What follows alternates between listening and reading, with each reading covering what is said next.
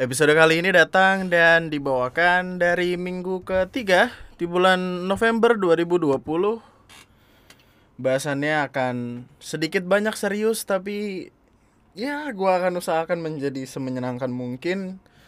Uh, Selamat menikmati. Selamat menikmati. Berasa di rumah makan Padang. Berasa di nikahan ini nikahan apa nikahan orang-orang tuh yang di prasmanan tulisannya selamat menikmati gitu. Padahal harusnya itu selamat menikmati ditaruh di kamar pengantin ya kan selamat menikmati. Wah, syah. Nama gue Andri dan selamat datang di Lunatic Podcast.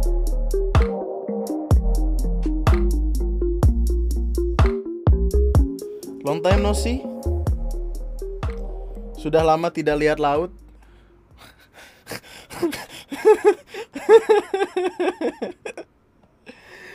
uh, several thing happen dan gue kayaknya makin makin kayak makin seneng ngomong pakai bahasa Inggris gue nggak tahu kenapa. Uh, akhir-akhir ini waktu gue gue habisin buat ngeliat-liat berbagai macam hal uh, berbagai macam perjalanan dari orang-orang yang gue sukain di luar sana gitu kayak katakanlah di luar negeri. Uh, gue gini loh yang yang selalu gue ingat adalah pelajaran terbaik adalah kesalahan yang orang lain pernah lakuin. Salah satu pelajaran terbaik adalah kesalahan yang orang lain pernah lakuin supaya kita nggak ngelakuin kesalahan yang sama. Terus gue akhirnya sering kali ngeliatin uh, figur-figur di luar sana yang yang kelihatannya menarik gitu untuk gue cari tahu. Karena ya gue gue jarang banget ngeliatin artis-artis Indo gitu kayak yang kelakuannya begini begini segala macem karena ya yang yang dicari di Indonesia kebanyakan kan terkenal dan keviralannya itu kan bukan bukan atas uh, bakat atau kehebatan yang dia punya as a as an artist gitu loh. Uh, tetap ada beberapanya yang gue kagumi gitu tapi tidak banyak.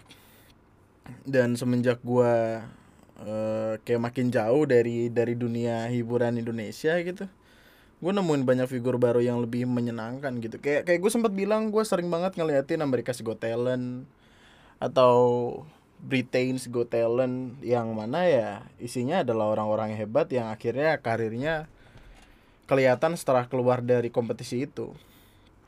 Kayak Kodili yang waktu itu gue cerita gue gue sempat cerita atau gimana gue lupa. Kodili ini dia uh, autistic out, blind autism gitu. Jadi dia ada autistik dan juga tunanetra gitu. Tapi di sisi lain ya gimana ya?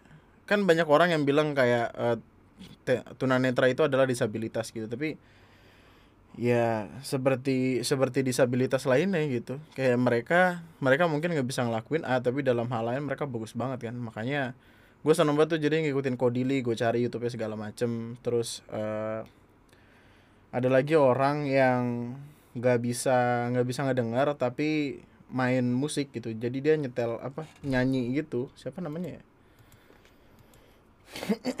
Lupa gue uh, wait wait wait. Hold on a second. Mandy Harvey. Mandy Harvey. Jadi dia tunarungu tapi dia penyanyi gitu. Dia bisa nyanyi dan suaranya bagus banget main jago banget dan cara dia buat mengetahui ketukan nada adalah lewat getaran dari kakinya.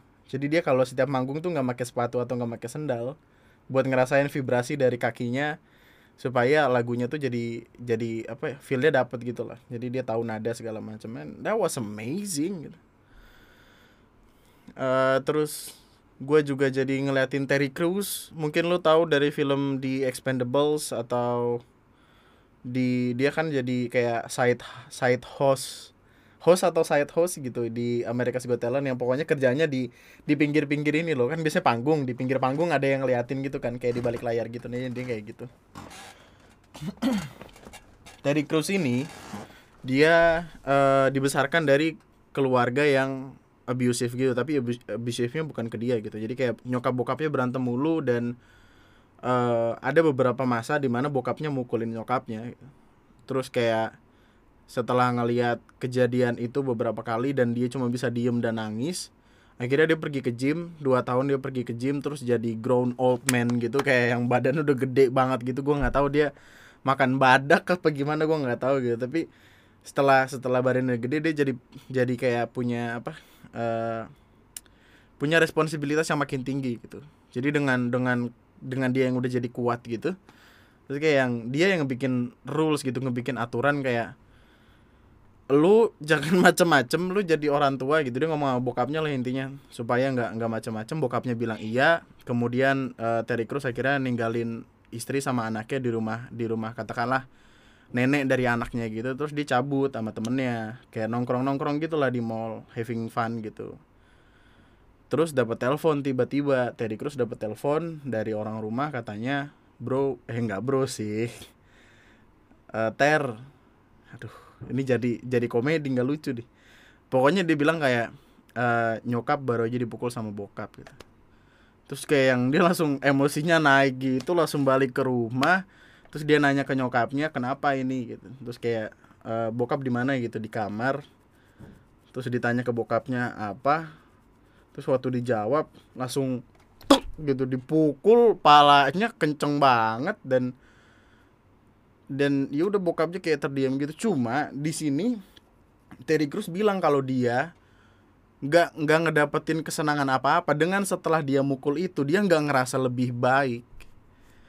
Dan itu jadi pelajaran buat dia sebelum akhirnya dia ketemu eh, apa sebelum akhirnya dia ya ngobrol-ngobrol sama istrinya segala macam terus istrinya selalu bisa nenangin dia di segala macam kondisi.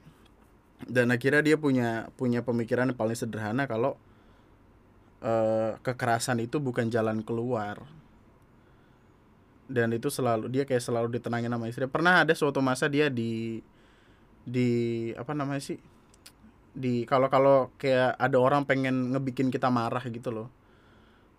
Pernah dia, dia pengen dibikin marah gitu terus kayak dia mundur gitu maksudnya dia bisa nahan emosinya se, sebegitu kuat gitu.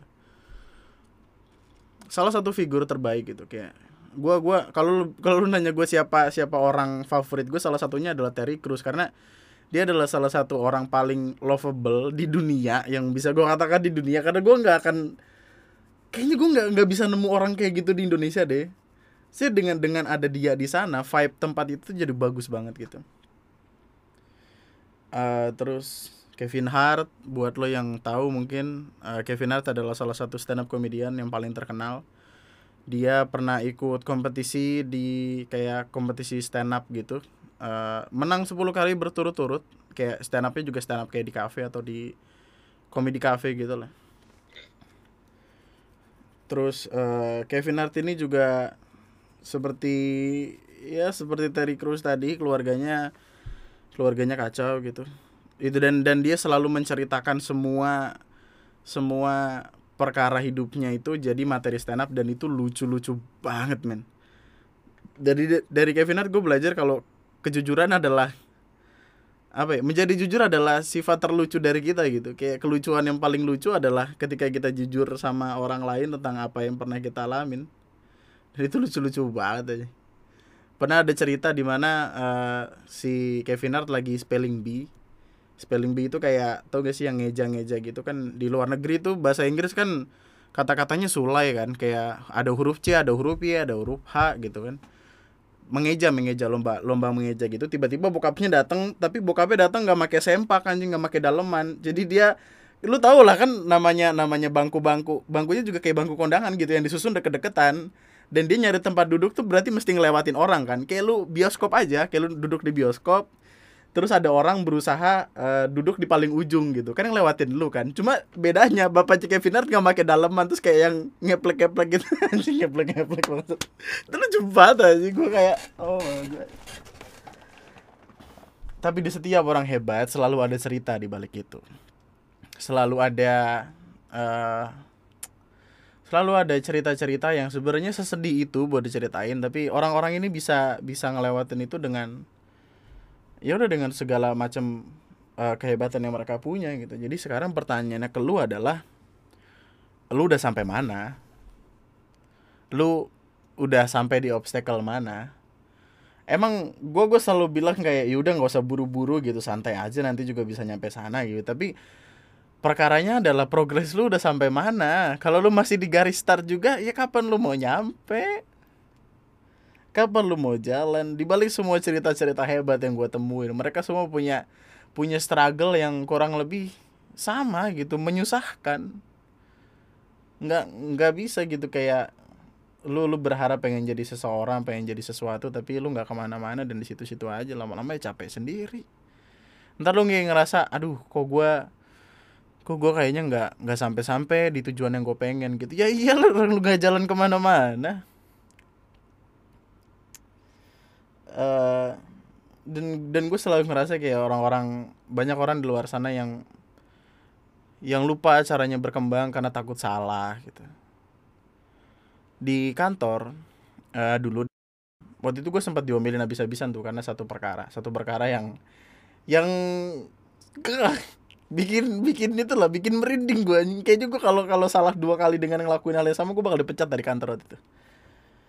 Terus gue uh, di dibawa masuk ke kayak satu ruangan gitu ruangan buat meeting terus ditutup pintunya terus uh, kayak atasan atasan gue waktu itu ngomong ke gue hmm, kenapa bisa terjadi gini gini gini gini gitu terus gue minta maaf doang kan di situ. Kayak gue ngejelasin perkaranya gini gini gini terus gue minta maaf gitu. Dan kalimat dia adalah you should be sorry gitu. Emang emang harusnya lu minta maaf gitu. Tapi jangan cuma maaf doang. Uh, don't be sorry be, be better better apa better? Pokoknya jadi lebih baik lah gitu itu dari dari situ apa pun yang ada di pikiran gue ketika gue salah ya iya gue salah gitu. Tapi cara selanjutnya adalah gimana supaya gue nggak ngelakuin itu lagi dan bisa ngindarin dari kesalahan yang itu gitu. Karena ya namanya orang pasti salah. Nggak mungkin lu lahir ke dunia langsung bener. Nggak mungkin segala macam apa yang lu lakuin di dunia langsung bener gitu. jadi ngikutin ngikutin beberapa orang yang akhirnya gue temuin. Ngikutin beberapa orang yang yang kayak cara mereka hidup di dunia tuh kayak, keli kelihatan seneng gitu loh. Hasil titik mereka sekarang tuh kayak bener-bener wow gitu menyenangkan buat buat dilihat. Tapi ketika kita tahu di balik di balik itu perjuangannya ternyata se seberat dan semenyebalkan itu nggak bisa lagi kita bilang kayak enak ya si ini. Udah kaya mobilnya banyak harta berlimpah. Orang biasa manggil dia bento. Gitu. Kayaknya kita kita mesti mesti belajar banyak dari orang-orang yang emang udah ada di atas sana. Kemarin gue uh, belajar lagi tentang perkara investasi dan orang-orang kaya di dunia, ya orang-orang kaya di dunia entah Bill Gates, Mark Zuckerberg, terus ada Oprah Winfrey, ada Michael Jordan, semuanya itu kayak uh, ya cara mereka cara mereka menjadi kaya adalah dengan investasi gitu. Terus gue baru tahu kayak yang oh ternyata gini gini gini gini gitu uh, waktu itu gue nonton video siapa gitu gue lupa. Michael Jordan itu gajinya uh, beberapa berapa juta dolar gitulah. Ini kalau kalau dia kalau dia kerja terus dia bisa jadi milioner gitu. Tapi kemudian Michael Jordan ngebeli saham dari salah satu salah satu uh, klub basket gitu. Kemudian klub basket itu sahamnya naik sampai akhirnya dia jadi bilioner kalau di Indonesia kayak katakanlah jadi awalnya jadi uh, jutawan gitu kemudian jadi milioner ya gitu. Waktu itu Kevin Hart pernah bilang kayak kalau lu pengen dapetin sesuatu yang lebih ya lu lakuin sesuatu itu lebih lagi. Do more and get more.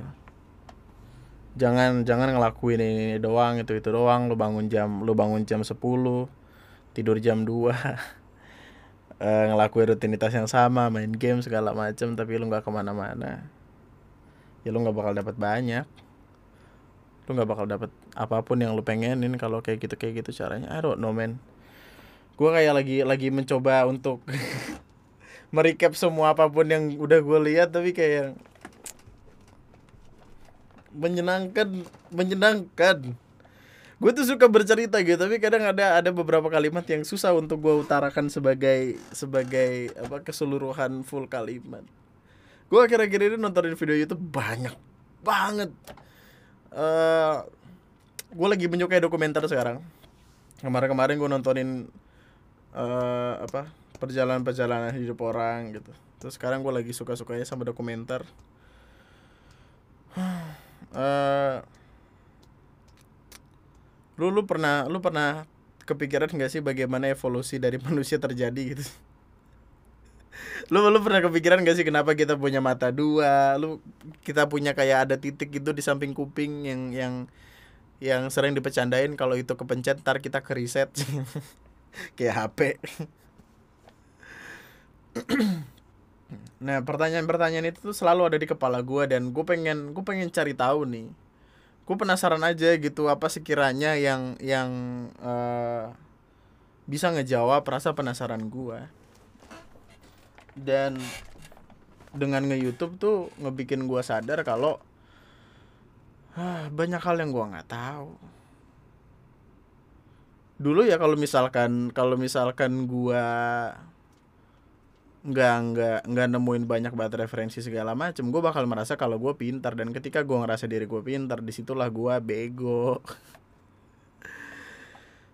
Pasti kita pernah ada lah gitu di sebuah fase di mana rasanya kita pikir kayak kita mengerti banget hal ini kita paham banget hal ini sampai sampai kita ngomongin ini dan itu ke uh, orang lain. Seolah-olah kita tahu seolah-olah kita pintar dan benar. Tapi ternyata ya kita nggak tahu apa-apa gitu. Setelah kita cari tahu ternyata itu lebih luas dari apa-apa yang kita pahamin dan di situlah kita merasa kecil. Ketika kita merasa paling tahu akan sesuatu, di situlah kita bego.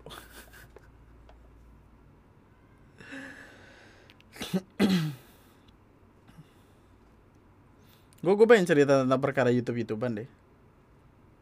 Kayak YouTube itu adalah tempat-tempat masihlah tempat paling menyenangkan buat gue gitu. Karena dari YouTube gue bisa tahu berbagai macam informasi yang menyenangkan untuk untuk akhirnya gue bawa pulang dan gue ceritain ulang sebagai podcast atau cerita ke teman-teman gue. Uh, YouTube akhir-akhir ini lagi lagi ini men. Lagi gimana lagi down gitu loh. Lagi kurang makin makin berkurang peminatnya. Beberapa waktu lalu YouTube ngasih survei survei ke kami para ya so called content creator di YouTube buat uh, ngasih tahu tentang apakah gua sering buka TikTok atau atau atau media-media lain gitu.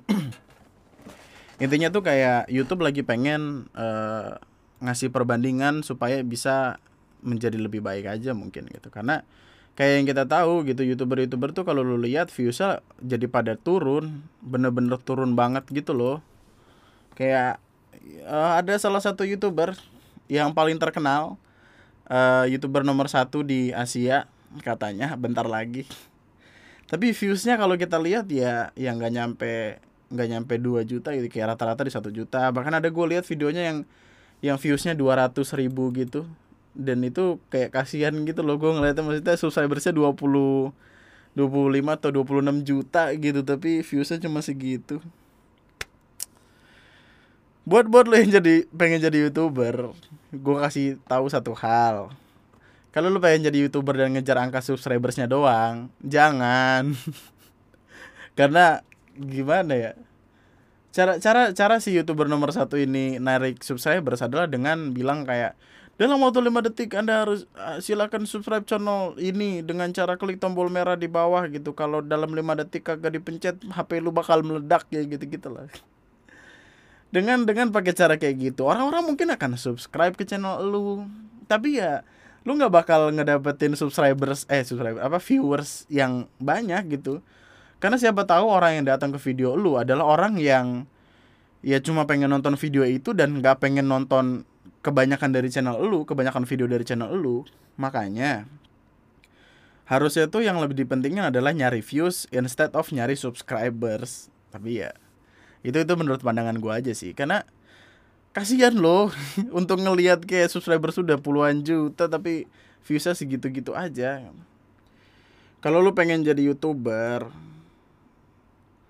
kayaknya sekarang lagi lagi masa-masa struggling dah gue ngomong sama Ray gue ngomong sama Rojal dan ya kami menghadapi permasalahan yang sama gitu kayak uh, subscribersnya sekian viewersnya sekian gitu. Karena orang-orang tuh jadi lebih pada sering lari ke ini apa ke TikTok.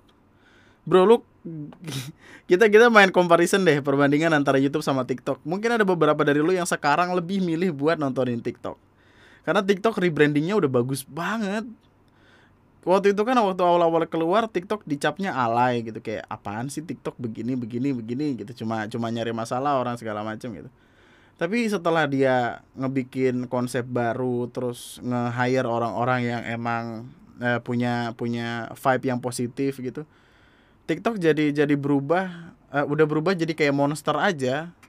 Dan itu ditakutin sama katakanlah YouTube, terus eh, aplikasi-aplikasi lain kayak Instagram bahkan. YouTube tuh sekarang lagi kewalahan gitu loh. Kewalahan buat ngadepin persaingan-persaingan itu karena ya gue nggak tahu sih gara-gara algoritma dia sendiri ngebikin pusing. Sekarang aja tuh YouTube e, kalau misalkan gue upload video deh, TNM upload video, pasti ada beberapanya yang nggak masuk ke ini, nggak masuk ke homepage mereka gitu. Jadi ketika gua upload video ya udah cuman orang-orang yang nyalain notification doang yang yang dapet. Selebihnya ya hoki-hokian terserah YouTube mau naruh di mana dan itu tuh ngebikin viewsnya tuh kurang. Kayak Ray juga tuh masih masih kepikiran sama views. Meskipun ya mungkin nanti akan berubah lagi algoritmanya. Mungkin nanti akan jadi lebih gampang buat kami gitu cuma nggak tahu juga sih. Algoritma YouTube selalu berubah-ubah dan berubahnya tuh nggak pasti kapan. Tapi ya eh, apa pun itu kayaknya tetap tetap balik ke perkara yang sama coba aja dulu. Kena kagak belakangan kena bagus kagak ya ya udah. Lu tahu lagu ini gak sih yang yang I wonder how I wonder why? I wonder how I wonder why Yesterday you told me about the blue blue sky. Ya itulah lagu itu Lemon Tree judulnya Lemon Tree dari uh, siapa ya penyanyinya? Ya? Bentar. Lemon Tree by Fool's Garden. Lemon Tree ini itu kan kayak rame banget sekarang kan. Jadi meme, jadi background dari Among Us tuh yang paling yang paling sering. Tapi lagu uh, Lemon Tree dari Fool's Garden ini dia itu pertama kali keluar tahun 97 tahun 97 dan mungkin uh, kemudian diupload ke YouTube tahun 2011 uh, eh, atau 2000 2000 berapa lupa gue. Tapi ya itu butuh intinya butuh waktu lama banget buat akhirnya terkenal karena ya apa-apa yang ada di lagu itu tuh kayak kayak relate gitu sama keadaan 2020 isolated isolasi terisolasi dari dunia dan tidak boleh ke mana-mana kalau tidak penting-penting amat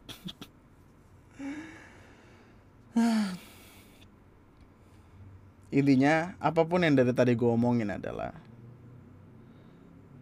udah nyampe mana lu? Udah ada di titik mana lu sekarang? Lu lagi ngapain? Apakah apa pun yang lu lakuin sekarang bakal ngebawa lu ke mimpi-mimpi yang nantinya akan lu sambangi? Apakah nantinya lu bakal berdiri terus ngelihat orang-orang yang ada di sekitar lu uh, dengan rasa lebih senang karena karena lu udah sampai di titik yang lu mau. Gue lagi ngebayangin kayak berangan-angan boleh kan gitu. Gue gue lagi ngebayangin nantinya gue kayak punya rumah terus gue bangun tidur ngeliatin anak-anak gue terus nyokap gue lagi apa lagi itu apa sih namanya kalau yang kalau yang nenun nenun baju itu yang pakai jarum dua di tangan kiri kanan gitu nenun sweater gitu. Terus istri gue lagi masak. Dan gue bangun dengan perasaan senang karena gue tidak kepikiran utang atau apa pun. That would be great. That would be wonderful.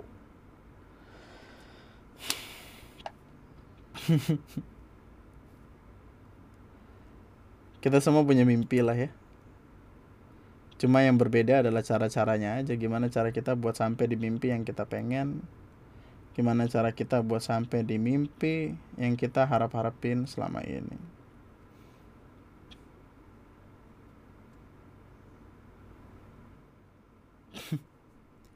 gue nggak tahu kenapa gue ngebikin podcast kayak gini banget ya. Jangan berhenti belajar lah men Jangan berhenti belajar Kayaknya podcast kali ini gue bakal bikin singkat aja jangan berhenti belajar jangan berhenti nyari semua langkah bagus buat mimpi-mimpi lu karena segimanapun kita berusaha kalau jalan yang kita samperin itu tidak sesuai sama jalur di mana kita seharusnya berada takutnya nanti kita malah jatuh ke tempat-tempat yang nggak kita pengen. Jatuh ke tempat-tempat yang berbahaya untuk kita sambangi. Tiba-tiba kita datang ke diskotik minum Jagger minum udah nggak amer lagi tuh. Minum Jagger minum vodka. Sehat terus kita semua. Semoga kita bisa menjadi versi terbaik dari diri kita secepatnya lah. Secepatnya.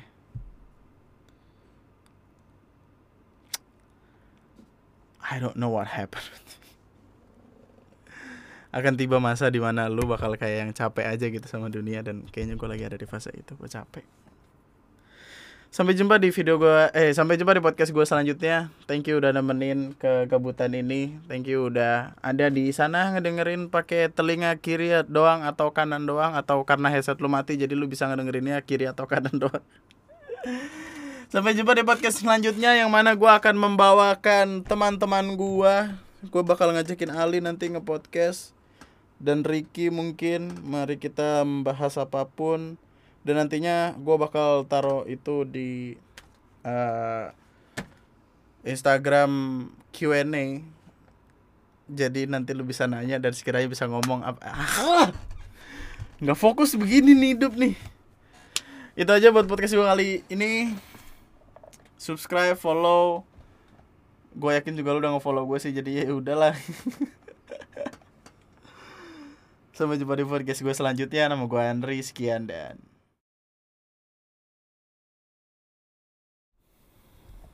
eh bacain cerita horor. Bagus kali ya. Bagus lah ya. Bagus sih. Episode selanjutnya akan bahas horor. Episode selanjutnya bahas horor. Episode selanjutnya bahas tentang pengalaman gue kerja di perusahaan Korea. Episode selanjutnya ngebahas cerita pendengar. Episode selanjutnya ngebahas cerita pendengar. Episode selanjutnya ngebahas cerita yang ngedengerin cerita pendengar. Hell yeah that was good. Thank you